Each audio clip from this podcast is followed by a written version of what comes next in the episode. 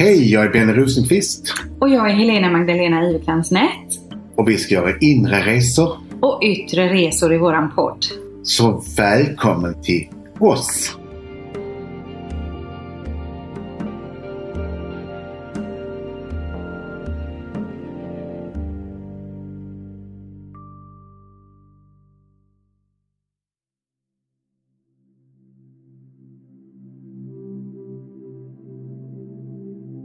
Hej, jag heter Benny Rosenqvist och jag är medium, författare, skribent. Och vi har Jag heter Helena Magdalena och jag är också medium, författare och astrolog bland annat. Och jag har en kär vän som gäst idag, Malin Berghagen. Välkommen! Och jag är hmm, levnadskonstnär. Mm. Vad bra. Det är liksom greppar allt. Det gör Och Annars blir livsnjutare. listan så lång. Livsnjutare. Ja, exakt. Levnadskonstnär. Ett fantastiskt ord Mm. för det du gör. Ja, det var Figge Norling som gav mig det en gång för många, många, många, många år sedan när vi jobbade tillsammans. Och han tyckte att det passade så bra in på mig därför att jag jag försöker skapa möjligheter också. Att det är ju inte alltid liksom att man är just ett... Man har inte en titel utan man försöker ju överleva, man försöker hitta nya vägar och plus att jag är ganska kreativ och, och försöker liksom följa min dröm och min längtan. Så det är lite skapande där. Och eh, levnadskonstnär för mig också är liksom ja, skapande i livet Mm. på något sätt. Mm. Det finns ju ett litet, ett, en av de citat i Bibeln som jag, en av de få som jag, alltså jag har ju inte läst Bibeln, men det citatet vet jag eh, och kan utan till att Gud skapade människan till sin avbild, vilket gör då oss till skapare, Mm. eller hur? Eller hur? Eh, och då, det tyckte jag om. Jag gillade den tanken att ja, men då är vi ju också skapare av vårt liv. Mm. Så då är det bara att sätta igång och ta penseln och börja måla. Ja, fantastiskt. Du har ju också sagt att, eh, innan att du var sökare. Men nu är du finnare. Ja, Och det tycker jag är så fint. För det, vi har en butik i Malmö som heter Sök och finn. ja precis. Och eh, jag tycker fantastiskt. Sökor gör vi nog hela livet. Men det är ju roligt när du, som du sa, att man finner. Vad, vad finner du just nu? Vad händer i ditt liv just nu som du finner? Ja, men just nu så har jag eh, funnit och finner... Eh, jag, har, jag har hittat tillbaka till min andlighet. Alltså den har alltid funnits, men men ni vet, livet rullar på, det händer så mycket saker och sen så gick mamma bort och sen så blir man kär och sen så och jobb hit och dit och så får man liksom, tappar man sina andliga rutiner lite grann. Mm. Mm. Eh, och just nu har jag då eh, också en meditation-lärarutbildning tillsammans med Thomas Frankell vilket gör att jag mediterar ju väldigt mycket. Och då har jag liksom så här, lustigt nog, haft några så här aha moments. Där jag har liksom suttit och mediterat för jag måste ju walk as I talk lite grann. Liksom. Så jag har ju mediterat väldigt mycket och kommit fram till att "Ja, men det här är ju riktigt bra. Sen, jag, jag har ju alltid vetat det. Och, har- men du vet, det går ju upp och ner. Livet är ju liksom vad man på något sätt ger sig tid till. Mm. Men just nu är jag i en period där jag... Det passar jättebra för mig att vara med i ert program just nu. För just nu är jag väldigt liksom, så här andligt nära min, min själ och mitt hjärta. Och, eh, eh, och även kan göra det tillsammans med allt som händer i mitt liv. Mm. Att hitta en... Att hitta att det kan gå parallellt. Så att jag inte behöver välja det ena eller andra. Mm, vad skönt. Så du har börjat en ny andlig resa kan man säga. Ja, att det liksom... Eh, ja, man kan säga att det är en, en ny eller en återuppväckt eller, någon sån där... Eh, nej, men jag tycker nog att den är... Jag hade en ganska häftig upplevelse för många år i Indien. Jag känner att jag har liksom hittat tillbaka till den. Så att jag fann, genom funnit verktygen igen som jag använde då. Eh, och vilket är kontinuitet. Det, jag tror att det är liksom det som jag märker att jag, jag behöver avsätta tid. Mm. Jag behöver gå upp på morgonen och det är roligt att jag tänker alltid på dig. För när jag går upp sådär runt sex och känner liksom jag sätter klockan och så tänker jag så här, "Nej, nu måste jag gå upp och så, så ligger jag och drar mig till sju. Och sen så eftersom jag jobbar hemifrån så kan jag bestämma lite när jag går upp. Och så kan jag känna så här, åh, alltid så tidigt att gå upp och meditera. Och då tänker jag alltid på dig Ja. du går upp typ fem Ja. och mediterar. Och då tänker jag Ja. så här, herregud, han har ju varit uppe redan i två timmar. Upp kvinna! Jag har ju det som rutin att gå upp klockan fem och har lärt mig det av en kinesisk mästare. Ah. Hon sa att rutinen är det viktigaste i meditationen för då händer det saker. Det var inte viktigt hur mycket utan att man gör det, sa hon. Att man, har man fem minuter så ger man de fem minuterna. Har man en timme eller som jag kan sitta en hel kväll och meditera ibland. Då har jag tiden för det. För det och det händer ju alltid någonting när man mediterar. Och jag har till exempel bara sovit två timmar i natt. Och tack vare meditationen så behöver man inte sova så mycket. Märker du också att du behöver sova mindre nu när du mediterar? Jo, och det är så lustigt att du säger det. Därför att jag var på en jättefin liten tillställning igår. Och då träffade jag en man som, som berättade just att han har eh, haft lite svårt att sova. Eh, han tror att det kan vara någonting som har med coronan att göra. Att det är någon sån här efterreaktion eh, reaktion på coronavirus han hade för, för ett och ett halvt år sedan. Han har liksom haft svårt att sova efter det. Och då började jag just prata med honom om meditationen. Och jag sa, har du provat det? Han var nej det har jag inte, men jag har haft det som tanke. Så För då får du ju din vila som du behöver. Och den kan du välja att lägga precis var som helst Ja. eh, under dagen eh, och kvällen. Istället för att, och så försöka att undvika att det blir, åh jag kan inte sova, åh jag kan inte sova. För det är ju också så att enligt, liksom, det har gjorts forskning på sömn. Och då är det ju så att man har hittat liksom, skrivelser långt, långt tillbaka. Och det är ju så att egentligen så är det naturliga systemet att vi ska gå och lägga oss kanske vid åtta, sova fyra timmar, gå upp, ha sex, så äta, dricka vatten och sen går man och lägger sig igen. Alltså lite, som, lite grann som djuren, de är ju i rörelse, de sover ju inte en hel natt, de är ju uppe och gör någonting. Men vi blir så frustrerade Just det. när vi inte får sova våra åtta timmar. Fast egentligen så när man vaknar och känner så här, åh vad pigg jag är, då ska man egentligen knuffa på sin partner och kanske säga, hallå, ska vi leka lite? Eller om man är snäll så kanske man inte väcker personen i fråga utan går upp och, och mediterar en stund istället. Sätter sig, tänder lite ljus och, och liksom tar en stund av meditation. Och sen brukar man oftast kunna somna om. Men absolut, ja. Svar på din fråga. Långt utlägg. Men ja. Jätte, men bra. Ja, Eh, det var jättebra. jag- För jag känner ju någonstans att meditationen har funnits där i hela ditt liv. För jag vet att du alltid har mediterat. Indien, jag vill ändå, för jag vet att du var med om, det är en resa och det hände mycket med din andlighet. Där kan du inte berätta någonting. För det var, jag kommer ihåg lite frekvens som du berättade någonting om upplevelserna där på Rhinet Center, hette det Ja, va? nej, det är på One, ja, Oneness Center. Ja. Precis. Ja. Oneness University. Ja. Och, nej, men det är så här att jag hade ju... Ända sedan jag var liten har jag varit andligt intresserad. Liksom. Och min mamma eh, och min mormor sa liksom att jag var annorlunda just på grund av det. Och, eh, min mormor har bett aftonbön med oss i alla år men det är bara jag som har liksom fortfarande gör det och tagit upp det. Och sen var det här, precis som du sa tidigare, Benny, det här att söka, att vara en sökare. Jag lyfte på alla stenar. Liksom. Vilken religion skulle jag ha?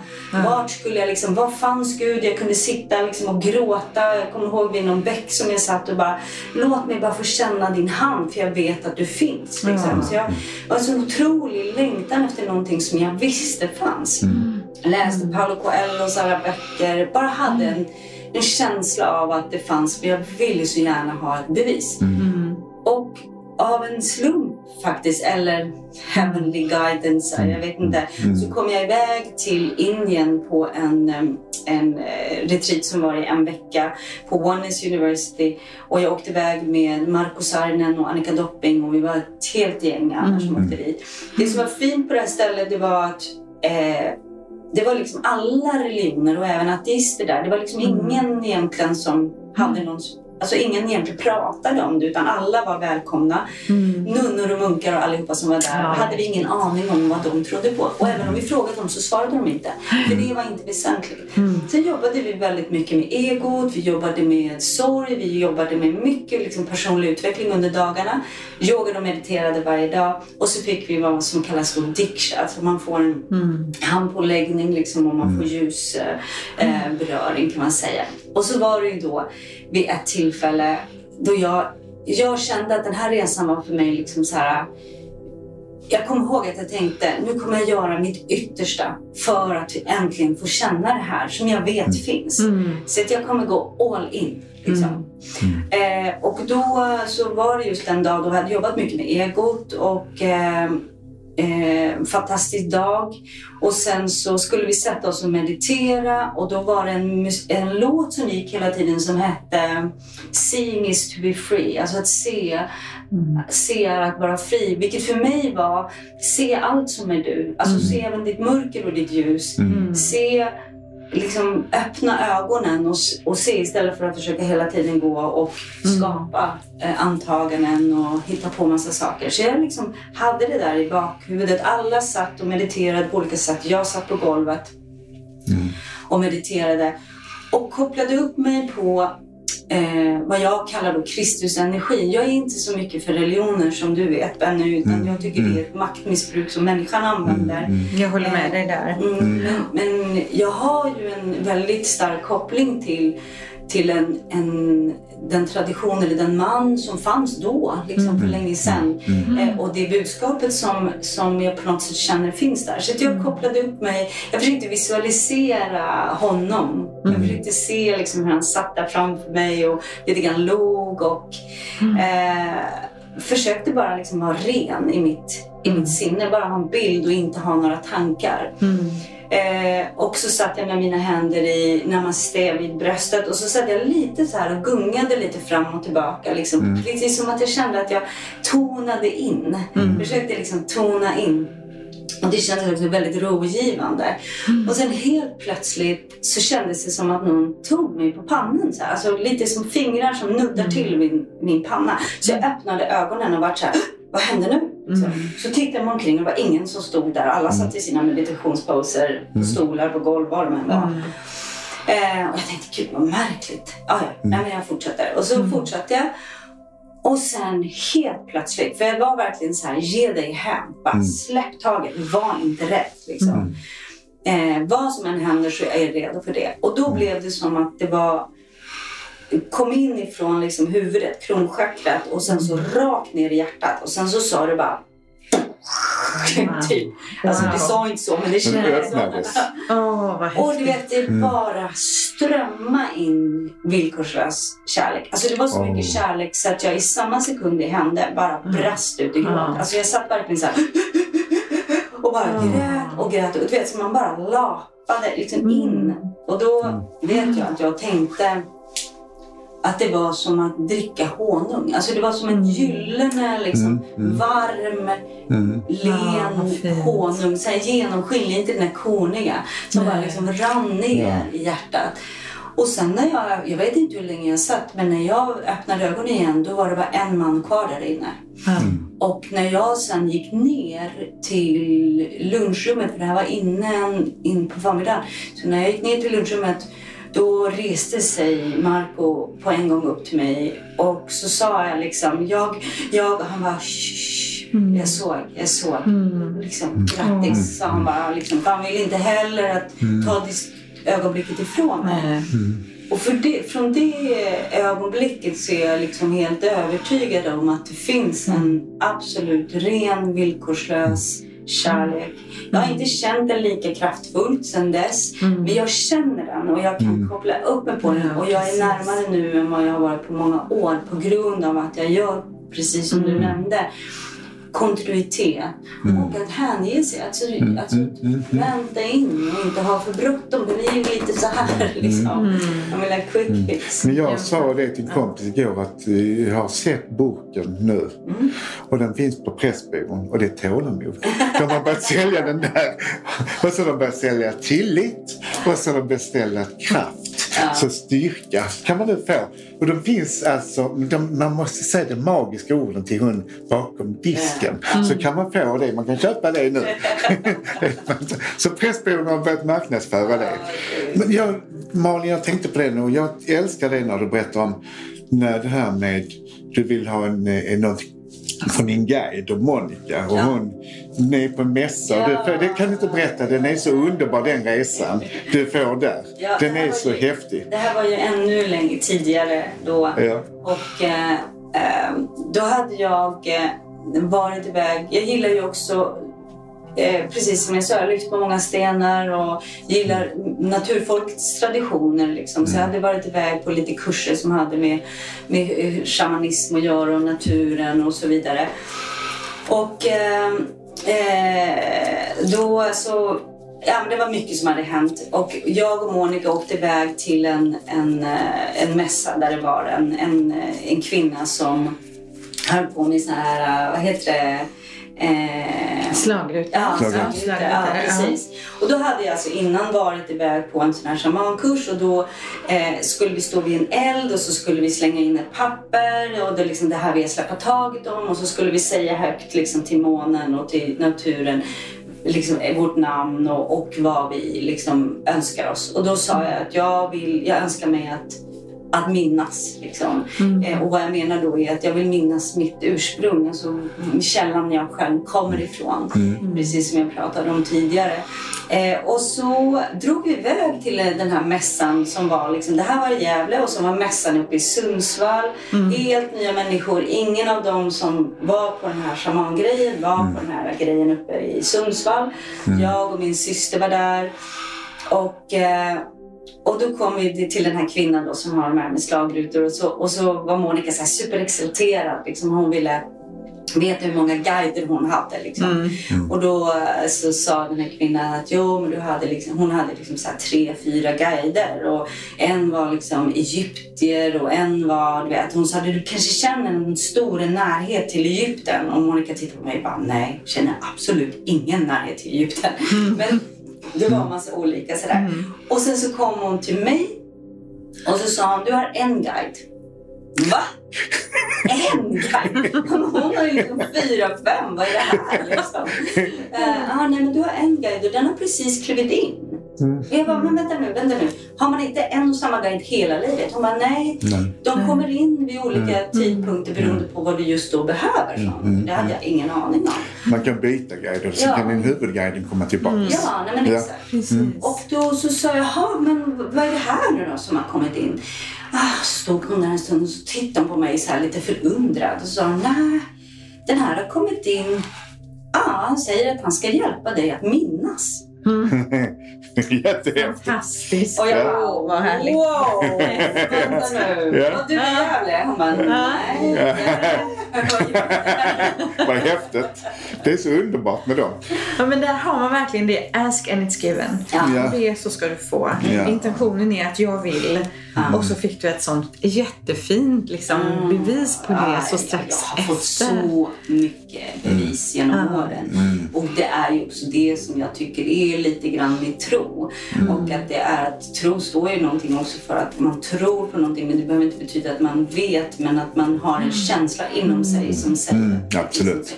Och jag har faktiskt haft en en... Uh, ni får stoppa mig om jag pratar för mycket. Men det är jättebra. Det, det, det, det är meningen att vi ska prata. Det är så härligt. Jag älskar det här ämnet. Men jag hade faktiskt ett jättefint samtal i början när jag och Martin träffades. Mm. Martin är nämligen artist och han har vuxit mm. upp med en mamma som eh, i en period var Jehovas vittnen. Så han blev liksom mm. väldigt sådär Nej, alltså jag vill inte ha med sådana där saker att göra.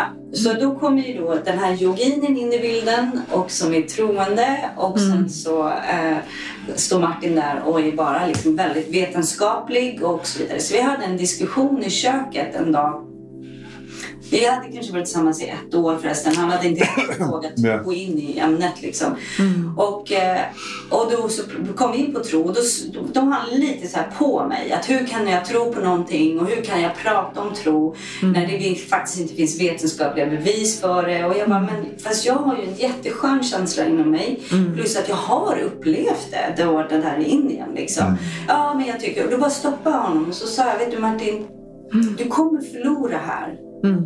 För jag är stark i min tro. Mm. Eh, mm. så att även om det liksom inte finns ett papper och ett intyg som säger Gud finns eller, mm. eller kärleksfulla kraften är en vetenskaplig... Även, så har jag en känsla med mig som är så totalt stabil och stark. Mm. Så att om du ska försöka rubba på den så kommer du förlora. Mm. För den är mm. viktigare för mig precis. än du. Ja. Därför den är mitt fundament. Ja, liksom. precis. Då var han alldeles tyst. Och så sa han, Okej, okej, okej. Nej, jag backar, backar. Så gick han undan en stund och så kände jag lite så här, uh, jag är lite för hård här nu. Men jag tänkte, nej men det är lika bra. Vi Ja. gör det här klart just nu. Liksom. Det var tillfället. Ja, precis. Mm. Så kom han tillbaka efter liksom, vi höll på att fixa lite, så sa han här, du... Och han var jättenervös för att ta upp det här nu, för han visste att det här kan backfire om Ja. han säger det här nu. Men då sa han, nej men vet du, jag känner så här, placebo funkar. Ja. Och jag bara, okej, vad menar du? Nej, men man vet ju att om man kan ge en tablett till någon och så, så kan det vara sockerpiller men den personen kan ju bli frisk ändå. För att man tror så innerligt på att man blir frisk. Så man kommer bli frisk av det, sockerpiller. Och då tittade jag på honom och sa, men du var fint av dig. Han bara, oh, jag har varit jätterädd nu att du skulle bli arg för att jag sa din tro kanske är placebo. Jag bara, nej. nej. Därför att jag ser att du gör en ansträngning för att Precis. försöka förstå mig. Yes. Du försöker inte ändra mig, du försöker hitta ett sätt att Ja. omfamna det som är jag. Precis. Och det är totally fine för Ja. mig. Du får tro precis vad du vill om vad min tro är. Eh, så länge jag får behålla min. Mm. Ja, men jag såg det precis. som en kärleksförklaring. Jag såg det inte alls som att han Verkligen. Och ett mig. sätt att relatera. Ja, han Att han ju det. hittade ett sätt som han kunde relatera till. Ja. Jag brukar säga det till artister att det är också att tro på någonting. Att inte tro på någonting. Och det som Jonas Gardell säger, men det är synd om dem för de vet inte var de kommer ifrån eller var de är på väg. Nej. Så det är liksom, det är fantastiskt med att vi tror och inte tror. Och det är ju fantastiskt också att kunna ha en diskussion med någon som är annorlunda för då utvecklas vi ju. Så alla behöver inte tro på vad jag tror på. Det tillför möten med människor i deras olikhet. Ja, och att det liksom, tar man en diskussion så blir det ju mer på ett intellektuellt plan. Mm. Och tro och den här känslan då till exempel som du upplevde där. Det är ju en känsla. Mm. Det går ju liksom inte att göra en mental grej av tro som egentligen är en känsla av att bli uppfylld och liksom komma hem och bli så känslomässigt påfylld. Så det var väl ett jättefint sätt som han kunde knyta an till och hitta ett sätt. Ja, och sen är det ju faktiskt också så att eh, kärlekens väg är ju också att acceptera varandra och, och jag behöver inte Martin för min tro. Nej. Så att vi behöver inte tycka lika där. Vi behöver inte gå in, vi behöver bara respektera varandra. Plus att jag känner inte något behov heller att liksom Alltså jag respekterar ju hans sätt att tro också. Eh, Så att jag liksom hänger inte upp massa eh, grejer som är andliga överallt i hans hem till exempel bara för att jag ska känna mig trygg. Jag måste ju respektera hans sfär. Precis. Precis som han respekterar min. Och vi möts ju någon annanstans istället i någonting annat. Jag har ju andra, jag menar, jag går ju i kyrkan och jag träffar liksom människor som, som dig Benny Ja. och så vidare där jag får det jag behöver. Martin är ju, ger mig ju någonting annat som jag behöver. Men vi, är ju- när vi träffas så är det inget konstigt heller. Jag Martin tar in mig som vän trots att jag medial. Han, vi pratar ju inte andlighet men ändå pratar vi. Vi pratar i livet ofta med Martin. Ja. För han är ju intresserad av livet. Så det är en väldigt spännande person du lever med. Och man känner sig väldigt respekterad av honom. Och det är också kärlek tycker jag. Det tycker jag. Det är anledning också att respektera en annan människa tycker jag. För det känner man med Martin att han gör. Ja, absolut. Ja, och att vi är olika. Jag tänker på min mellandotter. Hon läser till präst. Mm, hon, eh, hon blev frälst när hon var 15 och det är hennes kall. Eh, Vi har haft jättemycket fina diskussioner om det här men då när hon var lite yngre och gick den här vägen så frågade ju människor då i kyrkan och så här Dina föräldrar, liksom, är de också troende? Och då svarade hon så här klockrent det är så här att min mamma hon tror på allt och min pappa han tror inte på något. Jag tycker det är så här. Och vi var verkligen så men vi respekterade och accepterade det. Och det är ju kärlek att få vara olika. Ja, Ja, och absolut. det är ju någonstans där, alltså eh, Martin brukar säga en sägning som jag tycker är otroligt bra och det är att Att liksom, ju mer liberala vi blir, desto mer konservativa blir vi. Mm. Och det är ju också så nu i en värld att om vi ska få älska vem vi vill och vi ska få liksom mm. vara vem vi vill, vi ska få vilka kläder vi vill. Men mm. ändå så ska folk ha på varandra. Bara, du får inte säga så, du kan inte göra så, du får inte... Liksom, man, man är påhackad på varandra på Instagram och sociala medier och man är liksom... Mm. Man måste någonstans välja. Mm. Vill vi öppna upp för våra olikheter, mm. då måste ju det få någonstans vara all the way. Även om man då kan sätta gränser för att nu gör du mig illa. Här, mm. här får du liksom, nu mm. räcker det, nu stopp. För man måste ju kunna säga nej när någon går över gränsen till att såra någon annan. Ja.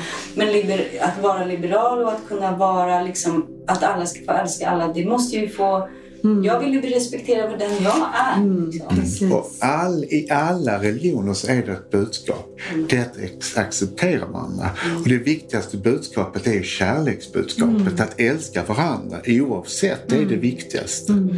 Och det är fantastiskt till exempel i Israel där Egentligen är det ju politikerna som har svårt för att älska varandra men mm. folket de älskar varandra eh, oavsett vilken religion de har. Där mm. samsas folk. Mm, mm, mm. Det är ju liksom politik i religion som blir fel många gånger. Mm. Religion och ska... Maktmissbruk. Ja, det är det. det. Att det är fel att använda. Jag tror inte att vi ska kriga i Guds namn. Nej, att Gud har aldrig sagt, för det är kärlek mm. någonstans. Mm. Det ska inte vara verbalkrig och det ska inte vara krig med vapen någonstans. Jag tror vår Gud, mm. eller vår kärlek som jag brukar kalla det för, mm. universums kärlek vill inte att vi ska göra det mot varandra. Nej. Utan älska varandra. Att syftet är kärlek och det är det största. Mm.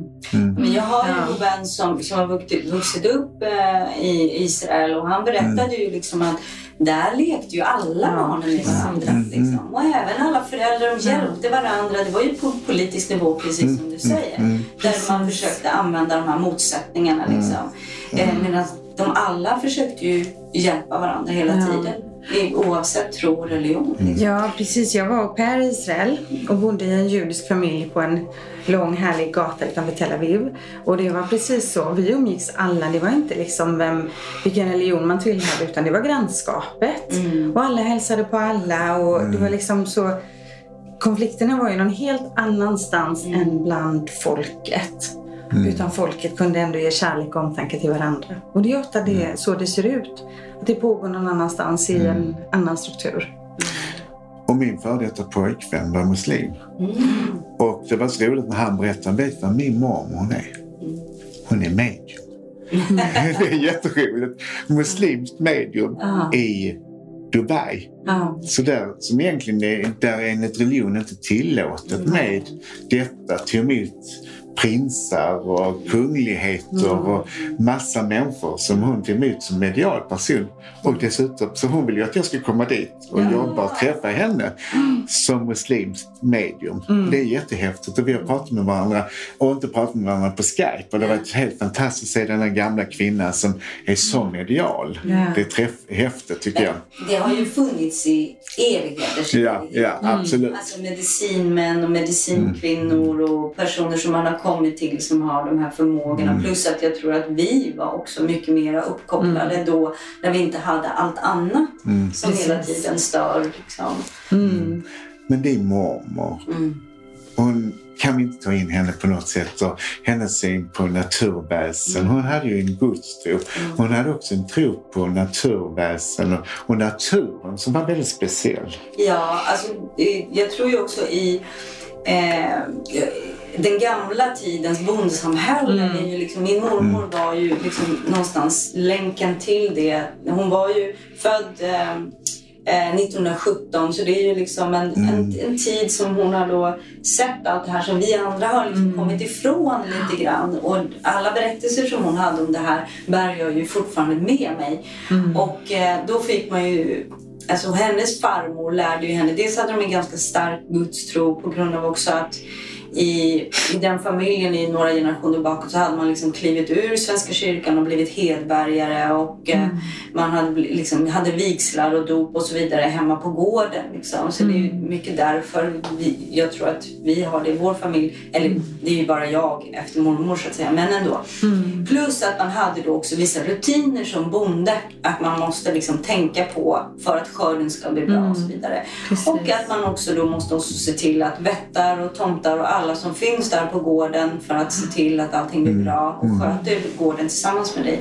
Eh, ja, mår bra. Så att man ställde ut gröt till tomten till exempel, mm. eller till vättarna men man måste tänka på att den inte var för het. Mm. Så att han brände sig på tungan för det blev, han var ju så liten. Mm. Så det var väldigt noga att varje jul ställa ut gröt till tomten. Och sen så likadant med på höstar till fåglarna. Då var det inte liksom bara till fåglarna för att fåglarna skulle ha mat utan det också var ju då för att hjälpa då vättarna som såg till djuren där ute. Så mm. man visade att man, då såg ju de också till resten av gården. Mm. Plus att man också då inte fick skicka ut hett vatten. Man fick inte kasta ut, det gör vi ju inte längre, vi har ju en zink liksom. Mm. Men, äh, men äh, då på den tiden så var det ju mycket så att man kastade ut hett vatten efter man hade tvättat och så mm. vidare. Och då lärde mormor oss att nej, men det fick man inte göra för då kunde man av misstag mm. bränna vättarna. Men min morbror, min yngsta morbror Hasse, eh, som är eh, jämngammal med min syster Monica, hon, eh, eller han, han berättade att han såg dem också. Mm. Men de försvann när han fick en, när det kom stereo i huset. När det kom musik. Aha. Han började spela musik. Mm. Då såg de han dem inte längre. Mm. Vet inte om det var så att han hittade någonting annat att fokusera på eller om han tyckte att, de tyckte att det var för mycket ljud. Ah, oj, vad intressant ändå. Mm. Ja, väldigt men, intressant. Men sen har vi ju också en tro i vår familj som fortfarande finns kvar oavsett om man är troende eller inte. Och det är ju att att de som är döda kommer ju med budskap genom fåglar eller fjärilar. Ja. Mm. Så det, är ju, det har alltid funnits. Att mor, mm. Vi har sett mormor sitta och prata med sin mamma eller sin mm. farmor eh, i form av fåglar. Mm. Eh, och sen när mormor gick bort så pratade mamma alltid om att eh, mm. mormor är här. Då kom det liksom någon fågel och satte sig mer eller mindre på tallriken där hon alltid liksom satt, mormor. Och likaså så var det ju så att på minnesgudstjänsten av min mm. mammas liksom, eh, ja, minnesgudstjänst i kyrkan här i Stockholm mm. så ringde ju då eh, en person till oss som eh, tog hand om en tv-inspelning också så att Karo ringde till, till oss och berättade att det är helt galet men det har mm. flugit in en fågel i kyrkan och vi får inte ut den och den är runt omkring altaret hela ja. tiden. Ja. Och så var det under hela minnesgudstjänsten. Ja. Och alla märkte av den. Och den var runt där mamma, bilden av mamma var hela tiden. Ja, liksom. det var den. Mm. Och den landade ibland på olika ställen. Ja, ja, den landade med mig vid ett ställe och tittade på mig och sen så mm. landade den vid Malin och sen så den, den for runt och sen sjöng den. Ja, Precis innan den sjöng och sjöng och sjöng. Mm. Och veckan efter hemma hos mig i mitt orangeri så kom samma fågel in. Och den kunde jag fånga med händerna bara ut och då sjöng den för mig medan jag bara ut fågeln. Ja, så fint. Han sitter jag och blir alldeles snyftig. Så, så vackert. Ja. Så vackert att höra. Mm. Mm. Ja, och vi, och vi har ju... Äh, jag hade också en ganska härlig upplevelse här nu för, äh, nu ska vi se, det är förra sommaren så hade vi en äh, jag kände förra sommaren att det var dags, alltså inte den här sommaren som har varit utan eh, 2020, så, eh, så kände jag att jag inte hade tagit tag i sorgen av mamma ordentligt utan jag hade träffat Martin ganska mm. tidigt och liksom lite grann flydde in i kärleken istället för att bearbeta sorgen mm. eh, helt och fullt. Mm. Eh, och då kände jag att nej, men nu börjar det bli dags. Jag började känna i kroppen att det började verka. Och det var liksom... Så jag var uppe i Masesgården i Dalarna och bestämde mig för att nej, men nu ska jag detoxa och sen ska jag börja ta tag i sorgen. Gråta, mm. prata, göra fint liksom, mm. med allt. Så jag gjorde det. Så hörde en väninna av sig till mig som var på besök där uppe och så skulle de ha en, det var på 22 ju, juli, så det var liksom Maria Magdalena-dagen. Då sa vi ska ha en liten ceremoni nere vid vattnet. Vill du komma ner? Och jag bara, ja, ja, ja, absolut. Mm. Så jag åkte ner, vi gjorde en jättefin ceremoni. Mm. Och sen när vi var klara så satte jag mig där på en stol och liksom bara tänkte så här, mamma att nu, nu liksom nu är jag här, jag är närvarande och, och, det är dags att titta på det här och känna det här steg för steg. Liksom. Och så ser jag liksom hur det kommer en liten larv krypande, så svart med lite streck, röda streck på ryggen. Liksom, och som bara är bara går mot mig. Mm. Helt liksom. Jag tänkte så här, du var väldigt vad du bestämd. Och det bara tuk, tuk, tuk, tuk, tuk, och över strån och ner och upp och hit och dit bara rakt emot mig. Så kommer min kompis och sätter sig bredvid mig och sa, hur mår du? Okej, jag bara, ja, jag sitter bara och tittar på den här, kolla på den här polaren liksom. Mm. bara, den ser ut att gå direkt emot dig. Ja, och väldigt bestämt. Så. Ja, verkligen. Så vi sitter och tittar på den här. Och den här går och går och går. Och ni vet ju hur det är med med de här, de, ska ju, de går ju gärna inte upp på sånt som är, eh, inte är organiskt. Mm. Men den här lilla rackaren, den går, passerar min fot, gör en 90 graders vinkel och går rakt upp från klacken. Nej, upp på min Nej, men, vad häftigt. Det var häftigt. Så min kompis tar en bild av den här och jag bara, men lilla vännen, okej okay, vi ska titta vad du har för budskap. Och så gick vi ut och la den ut i gräset igen. Mm. Då tittade vi, då var det en sorgmantel. Åh, Nej, vad det var fint. Vad fint. Så underbart. Ja, men så fint. Så, fint. Och jag bara, okej okay, mamma. Eh, jag fattar, du är mm. här. Ja. Sen mm. eh, några veckor senare, inte många, kanske ett par, så, så har jag haft en jättefin yogahelg. Jag är jättenöjd med den här yogahelgen. Och eh, sitter på eh, trappen och eh, då har min hund Bodhi somnat in en vecka tidigare. Och, eh, så jag är lite så tagen. Eh, men jag är nöjd, jag känner mig lycklig över allting som mm. har hänt och mm. ändå liksom att han är på en bra plats där han vilar nu och så vidare. Och så sitter jag barfota och så kommer det en fjäril. Mm. som är exakt samma färg som Bodhi. Mm. Och så kommer han och sätter sig på min, han eller hon, var det nu fjärilen mm. eller Bodhi, på min tå. Mm. Ja, och så börjar den pussa på min tå. Så här. Mm. Och jag bara skrattar bara, Martin, Martin titta. Så han kommer och tittar. Då reser den på sig. Jag bara, nej nu missar den. Mm. Då flyger den upp ett varv. Och så flyger den ner igen och sätter sig på samma tå. Och precis på samma sätt så borde det kunna vara så här, matte, matte, matte, matte. Liksom. Fast den gjorde med sina liksom, små läppar då, så här, puss, puss, puss. Mm. Så vi filmade faktiskt den mm. tre gånger. Kom den tillbaka och satte sig på. Ja, vad häftigt. Så jag tror ju absolut ja. kommer med budskap. Ja, det gör de. Mm. Absolut. Och den här sommaren så dök sorgmanteln upp mm. på ett café i Hälsingland där min systerdotter var och mammas fem absolut absoluta största fans. Mm. Så det dyker upp den här sorgmanteln, flyger runt, sen mm. dyker den upp, den eller liknande, mm. hos min syster Monica och bara snurrar runt. Mm. Och då ringer hon mig och säger så här, du den här sorgmanteln du pratade om förra året, mm. liksom, den har varit där hos Jennifer precis då när hennes fans från södra Sverige är här på besök. Mm. Eh, och nu är den här och snurrar. Jag bara, ja men det är mamma. Mm. Och så lägger vi på, så går jag ner till poolen och swish så kommer den. Mm. Sätter sig på väggen, boom. Jag bara, mm. hej mamma. Okej, okay, vi ser dig. Ja. Mm. Underbart. Det var som vi pratade om också, att vi skulle spela lite mer kärlek som din mamma gjorde. Och hon gjorde ju alltid så i trafiken, för hon körde ju väldigt konstigt. Och det tutade folk på hennes jord och alltid så en slängkyss istället. Mm. Så jag tänkte nu ska jag vara lite mer Barbro. Mm. Så var precis efter begravningsgudstjänsten så var jag i Limhamn. Så var det en utländsk kille som höll på att köra på min nya Volvo och jag tutade och han blev sur med fingret. Mm. Så jag gjorde så till honom. Mm. Och han blev så förskräckt han körde mot rött ljus. och sen kom vi till nästa ljussignal. Mm. Och bara han såg mig så körde han mot rött ljus.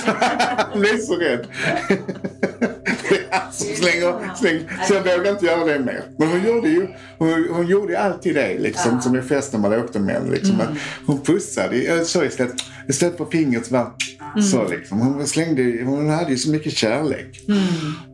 Ja, alltså jag har ju inte mammas lugn när... Alltså det jag inte kunde, jag pratade mm. med min dotter om det igår, att när, när det gäller mm. just bilkörning då händer någonting med mig. Ja. Jag, blir, jag kan bli tokförbannad. Mm. Jag kan vara som ett litet helgon annars. Alltså mm. verkligen så här, mm. frid och kärlek, tålamod, det där mm. ligger hos dig och jag kan vara så här. Så sätter jag mig bakom ratten och så har jag de här galningarna. Jag blir vansinnig. Det är väl också kanske för att man det är ju ändå liksom farligt där ute. Ja, då känner man lite grann att Ja, det är det. Och det blir man... väldigt aktiv energi när man ska köra bil. Liksom, så här. Ja, ja. där har inte jag hennes. Jag har, min mamma sa det till mig för att jag, gick, jag var så rädd för bilkörning. Mm. För jag var med om en bilolycka och var nära med en nära döden upplevelse. Jag var alltid rädd för Så gick jag till Kikki Lindberg som var hypnotisör. Och hon efter tre gånger så var det precis som att all rädsla försvann. Ja. Biltjuv så sa hon, mm. vad konstigt sa hon. Den där Kikki hon gjorde det till en jugoslavisk biltjuv sa hon. ja. Mm. Ja, jag var inte rädd längre. Nej, jag är inte rädd längre. Ja, ja, vad spännande och vilka fina, vilka fina berättelser du delar med dig av till, till oss och våra ja. lyssnare. De går verkligen rakt in i hjärtat. Och jag måste säga det innan när du pratade om Indien, så efter det så blev jag alldeles, jag blev alldeles varm. Jag blev så här jättevarm så jag fick ta bort håret från nacken. Så det var som att du bara spred den här ja. underbara energin så påtagligt. Mm. Jag, jag har svalnat av lite nu. Ja, men du vet det som var så fint med just det du säger också, det var ju att när jag kom hem från Indien och den här upplevelsen så åkte jag hem till några vänner till mig som hade haft dop. Och jag hade inte hunnit med dopet men jag kom mm. till liksom själva eh, ja, liksom fikat mm. efteråt hemma mm. hos eh, hans föräldrar. Eh, och vi åkte dit och de är ju då eh, eh kristna och frireligiösa och, eh, och har ju varit lite i diskussioner om yoga och sådana saker. Och, men på ett fint sätt, men ställt frågor och så vidare. Och självklart nu då så tog han mig åt sidan och så, och så sa han Malin berätta, vad hände i Indien? Mm. Och då kände jag lite grann att jag blev lite nervös igen. För att mm. du vet, de tror ju inte på vår... Vi har ju samma tro, vi har Guds tro, men vi har ju inte olika... Mm. Alltså, de har ju Inriktningar. Mm. mm. Och, eh, men så, så jag började berätta för honom vad som hände i, mm. i den här upplevelsen som jag hade i Indien. Och medan jag berättar det, då känner jag precis det du känner. Fast det känns i hela rummet. Alltså mm. Alltså den här känslan som kom in mm. då. Mm. Kom inte som en stor kraft så, men den bara, den bara omslöt mm. hela mm. rummet. Och jag tänkte, wow, nu liksom. Jag känner den överallt. Och han står där och lyssnar på mig och sen så helt plötsligt säger han, Vänta Malin, känner du? Och jag bara, du skojar. Känner du också?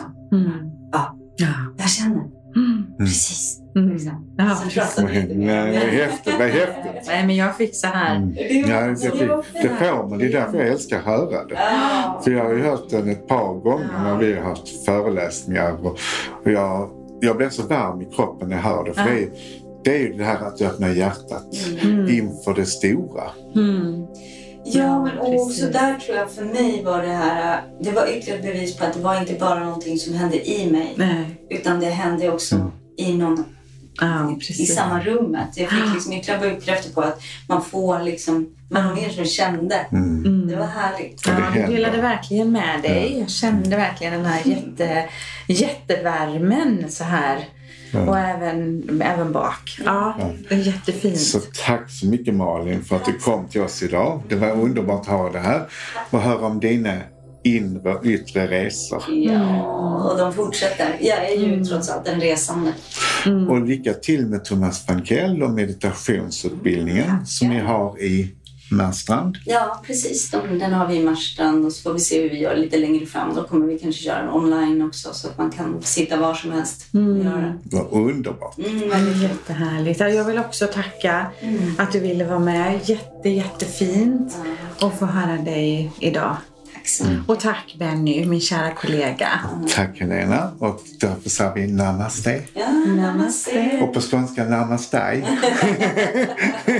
tack, ja, tack så mycket. Tack ska, vi, tack ska vi ha alla och tack alla våra härliga lyssnare där ute som följer oss och våran podd.